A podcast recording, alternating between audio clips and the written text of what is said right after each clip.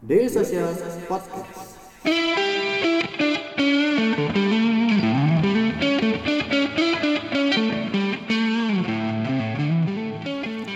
Halo dari Kemang Selatan 1 di nomor 2 Daily Social HQ Bertemu lagi di ngobrolin serapnya Daily Social Podcast Selamat sore, siang, pagi, malam teman-teman pendengar Daily Social Podcast Apa kabarnya? Semoga selalu baik-baik saja, sehat selalu Dan tetap setia ngedengerin episode-episode terbaru ngobrolin sarapnya Daily Social Podcast Nah, kalau udah ngedenger saya opening seperti itu Seperti biasa berarti teman-teman udah siap nih untuk ngedengerin episode atau obrolan terbaru Saya bersama ses seseorang yang memang uh, berkecimpung di dunia startup gitu karena ya ses- uh, apa ya sesuai dengan channel kita ngobrolin startup jadi kita bakal ngobrolin tentang startup startup gitu.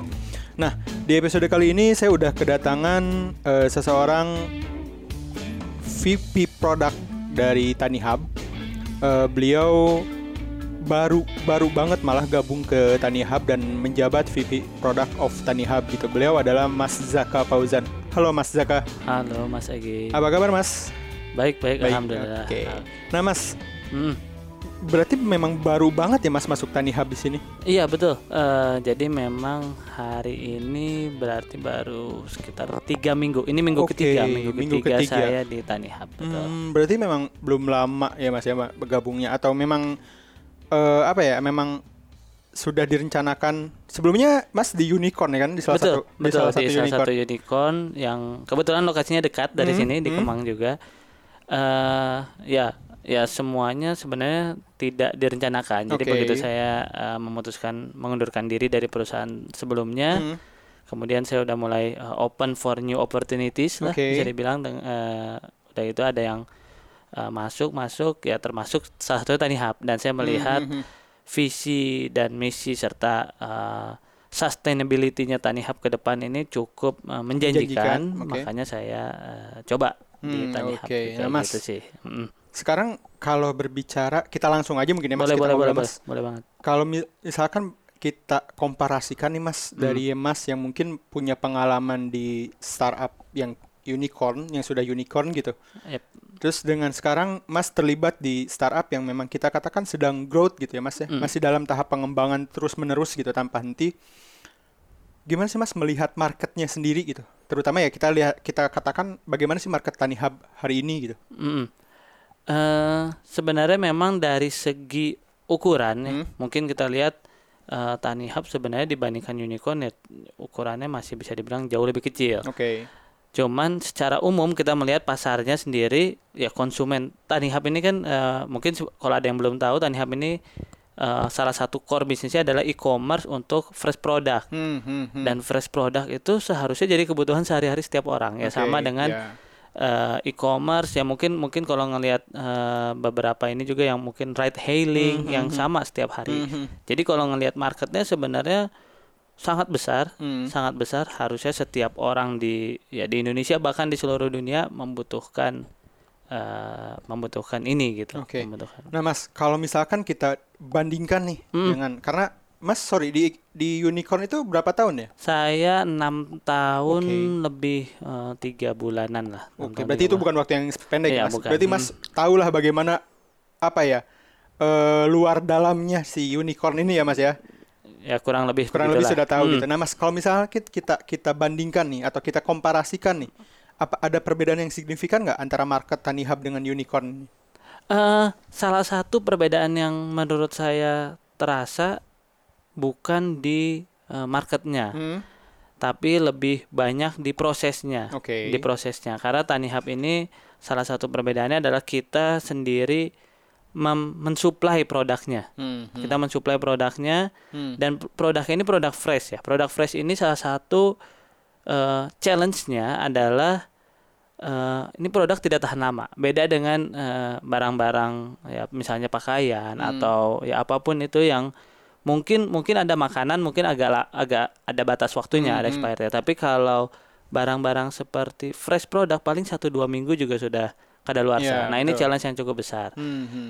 Eh ya itu yang paling utama dan kita jadi harus eh, banyak di sini bermain-main dengan eh, mem memforecast lah, memprediksi sebenarnya berapa banyak demand supaya kita supply-nya juga sesuai dengan demand itu, supaya tidak berlebihan, tidak pula kekurangan Hmm. dari si supply. Nah, Mas, tadi kalau kita berbicara komparasi Hmm. dari eh, apa ya mungkin market atau proses dari dari di dua dua startup yang satu sudah unicorn dan yang satu masih berkembang gitu. Betul. Nah, kalau kalau kita berbicara tentang unicorn nih Mas, Mas Zaka sebagai kita katakan alumni dari unicorn ini, gitu, Mm. gimana sih Mas ngelihat perkembangan unicorn unicorn di Indonesia?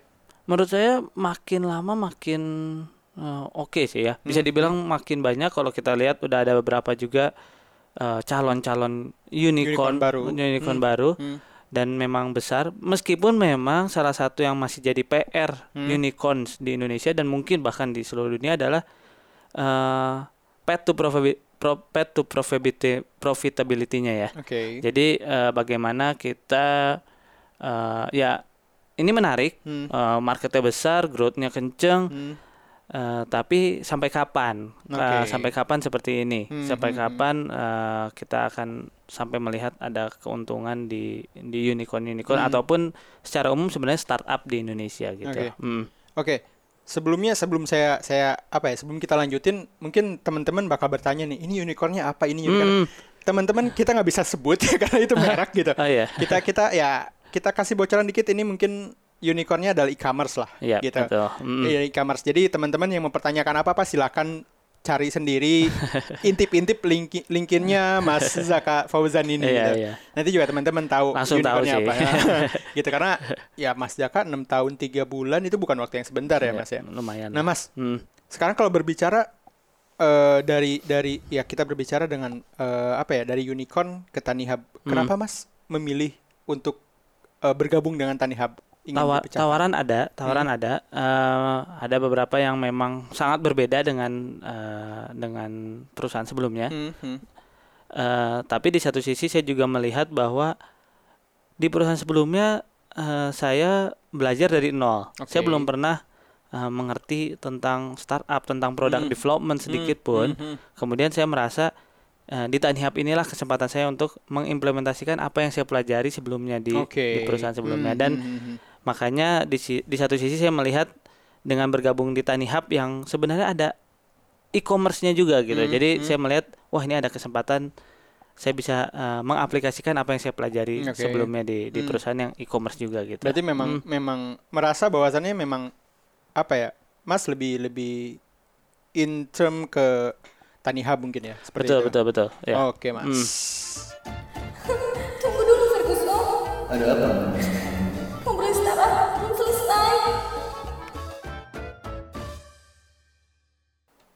Oke, masih balik lagi sama Mas Zaka Vivi produk dari Tanihub. Hmm. Nah, Mas tadi Mas bilang bahwasannya ingin mengaplikasikan beberapa pembelajaran-pembelajaran lah ya yang Betul, Mas, Mas Zaka betul. dapatkan selama di Hmm. Unicorn gitu.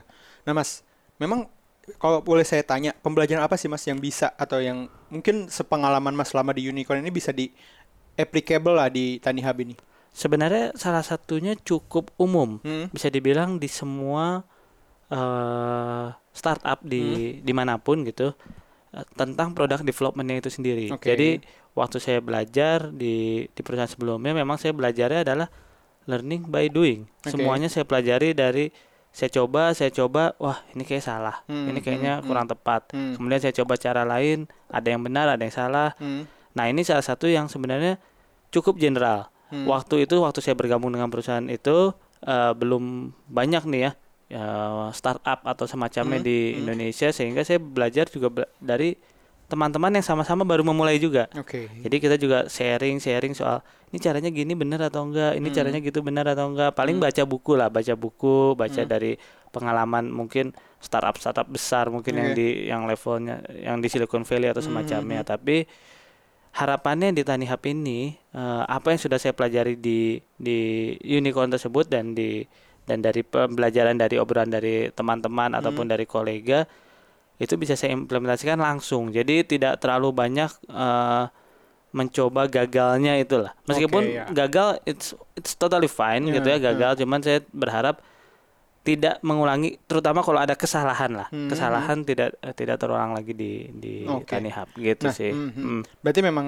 eh, istilahnya saatnya menuai lah ya. Ya, betul. Setelah kemarin menanam, menanam, Exactly. gagal, gagal, gagal, Exactly. sekarang Exactly. menuai ya Betul seperti itu, Mas. Mm. Nah, Mas, kalau berbicara tentang VV produk, Hmm. itu kan otomatis Mas juga masuk ke dalam tim lah ya. Kita Hmm. katakan kita ke dalam tim produk di di Tani Hub gitu. Hmm. Nah, sebagai seorang VP produk di Tani Hub gitu, metode apa sih Mas yang Mas Zaka approach ke tim, ke tim Hmm. produk di Tani Hub itu bi- biar ya kita katakan bisa bergerak cepat Hmm.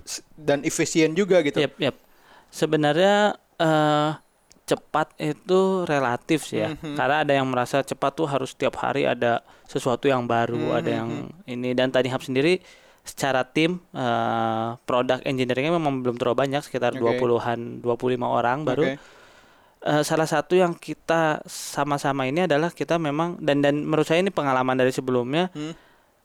Itu sangat penting adalah kita belajar dari eh, MVP-nya lah. Kita Oke. selalu eh, dalam pengembangan produk di MVP-nya ini sangat-sangat hmm, kuat dan kita lebih mungkin eh, instead of data dulu dulu saya sangat mengagungkan istilah data driven Yeah. ya. Sekarang mungkin saya lebih eh, data inform lah istilahnya Oke. ya. Mungkin udah tahu juga dari Mas Mhm. Egi.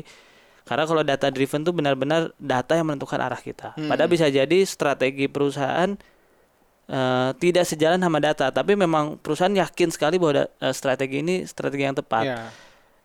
Kita bisa memberikan info informasi melalui data, Hmm. betul, tapi bisa jadi strategi perusahaan tetap tidak tidak Berpacu pada tidak data. berpacu pada Ah, data ah. sepenuhnya gitu. Oke. Makanya eh, menurut saya dua itu ya Hmm, MVP supaya kita bisa langsung learning lah, iteratively learning eh, ngelihat dari sebenarnya feedbacknya user terhadap eh, produk yang kita eh, kita rilis itu seperti apa Hmm. supaya ke depannya bisa semakin lama semakin baik. Semakin Oke, baik berarti terus. Hmm. Hari ini sudah tidak mengagungkan lagi data driven ya Mas ya? Bukan bukan saya bukan bilang tidak mengagumkan.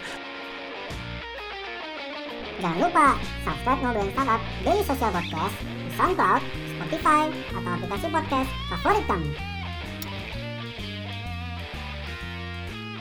menurut saya data tetap sangat penting Hmm. gitu karena ada hanya saja memang eh, data driven itu kadang membuat eh, semuanya harus bayangkan kalau data driven itu tercipta di sebuah startup yang baru gitu Hmm. waktu itu saya berpikirnya ada startup baru Hmm. terus dia mau bikin eh, sebuah produk baru inovatif sekali yang belum Oke. ada pesaingnya terus kemudian data driven Eh, datanya dari mana pertama Hmm. kemudian kalaupun udah ada misalnya eh datanya kecil siapa tahu dengan hadirnya dia justru membuat data penggunanya jadi Ya, besar dan semacamnya oke. jadi data inform is very da- tahu soal datanya penting Hmm. tapi bukan berarti kita harus sepenuhnya mengikuti, Mengikuti dat- kata data Ah, itu Oke, seperti berarti gitu. memang ya ini berdasarkan pengalaman saat di Betul, Unicorn ya Mas ya. betul. Ini adalah eh, pengalaman-pengalaman saat di Unicorn. Yap, Makanya betul tidak selamanya data yang kita dapatkan itu bisa menjadi acuan utama kita ya Mas ya. betul Untuk Mm-mm. untuk mengembangkan eh, produk kita. Nah, Mas tadi kita sudah berbicara tentang eh, pengaplikasian atau misalkan ya bagaimana seorang VP, Mas Hmm. Zaka sebagai seorang VP di sebuah startup. betul Nah, sekarang kalau misalkan kita berbicara tentang Tani Hub sendiri, Mas. Yep. Kan di Tani Hub pun kalau tidak salah itu ada e-commerce-nya ya, Mas ya. Mm. Menurut Mas Zaka sendiri perbedaan e-commerce di Tani Hub dengan e-commerce yang sebelum-sebelumnya Hmm. Mas Mas Zaka lakoni itu apa sih, Mas? Eh, salah satu hal yang membuat saya paling eh, senang Hmm. adalah cara kita eh, menjual produk di Tani Hub-nya itu sendiri. Oke. Jadi maksudnya dengan e-commerce di di Indonesia itu luar biasa menurut saya banyak ya. Hmm, hmm. Apalagi pemain-pemain besarnya ya unicornnya ada unicornnya aja ada beberapa, bukan Hmm. cuma dari Indonesia bahkan dari luar negeri juga Hmm, ada. hmm. Nah, eh, dan saya melihat cukup banyak tanda kutip peperangannya adalah dengan eh, marketing war-nya. Jadi Oke. eh, masing-masing mengeluarkan budget untuk eh, Marketing ya mengajak Hmm, eh, orang untuk berbelanja di tempatnya. Hmm, hmm. Yang beberapa kali saya lihat memang mungkin bisa jadi berpengaruh, berpengaruh Oke. tapi efeknya adalah sesaat bisa jadi. Jadi Hmm. begitu marketingnya dikurangkan atau dihilangkan, Hmm. memang ada kecenderungan user untuk beralih ke Ke yang tempat yang lain. lain. Ah, Nah, oke. sedangkan memang di dunia uh, agri agriculture lah Hmm. bisa dibilang ya, e-commerce mungkin ada beberapa dan mungkin memang ada juga cara bermain uh, Yang sama. marketing Hmm. ini. Cuman saya melihat uh, road to profit profitability-nya menurut saya lebih terbuka karena saya juga melihat bagaimana uh, Tani Hub uh, kita dari awal sudah menentukan sebenarnya misalnya Hmm, hmm, margin yang kita ambil misalnya kita ambil dari petani dengan harga sekian kemudian kita jual ke eh, ke user ke pengguna user ini bisa jadi eh, end user customer ataupun business user. Jadi Oke. misalnya kita kita berjualan juga jadi ke eh, misalkan ke kafe atau ke hotel ke restoran ke semacamnya itu bisa kita tentukan dari awal. Eh, sesekali memang perlu eh, marketing cost tapi secara umum kita udah melihat bahwa dan marginnya ini cukup menurut kita cukup eh, dalam jangka panjang cukup membuat eh, Tani Hub eh, sustainable lah Oke. jadi perusahaan tetap bisa bertahan hidup eh, dan profitable juga gitu Oke, sih jadi Hmm. Tetap ada perbedaan yang cukup signifikan menurut Mas, saya ya. eh, saya nggak bilang bahwa yang e-commerce itu tidak akan untung Hmm. suatu saat kemungkinan besar tetap untung tapi di sini saya udah melihat bahwa margin yang cukup besar itu membuat keuntungannya itu bisa diperoleh lebih dini lah gitu Oke. di, di Tani Hub. Hmm, Oke mas, ternyata obrolan kita udah panjang juga ya. lumayan udah panjang juga, udah banyak juga yang saya tanyakan. Iya. Mungkin mas, thank you. Nah, ya, Segitu thank you, aja thank mungkin you, obrolan dari saya. Ya, Thank you udah mau sama-sama. diajak ngobrol di Oke. eh, ngobrolin salatnya dari Ya, sosial. sama-sama Mas. Eh, semoga nanti next time kita ada waktu lagi untuk ngobrol-ngobrol mas. Yep. Mungkin segitu aja mungkin. Te- Terima kasih Mas Zaka, terima kasih juga pendengar Daily Social Podcast eh, udah mau ngedengerin episode-episode terbaru di Daily Social Podcast.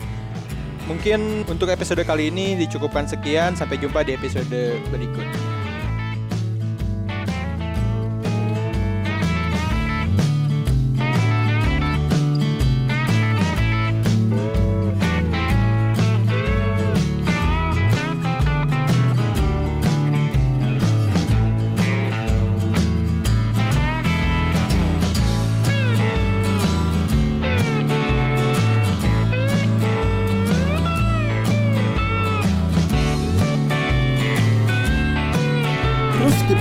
Bersama kita di dailysocial.id untuk website kita. Di Facebook kita ada dailysocial.id, di Twitter kita ada @dailysocial dan di Instagram kita ada @dailysocial.id. Di LinkedIn kita ada Daily Social dan di YouTube kita ada Daily Social.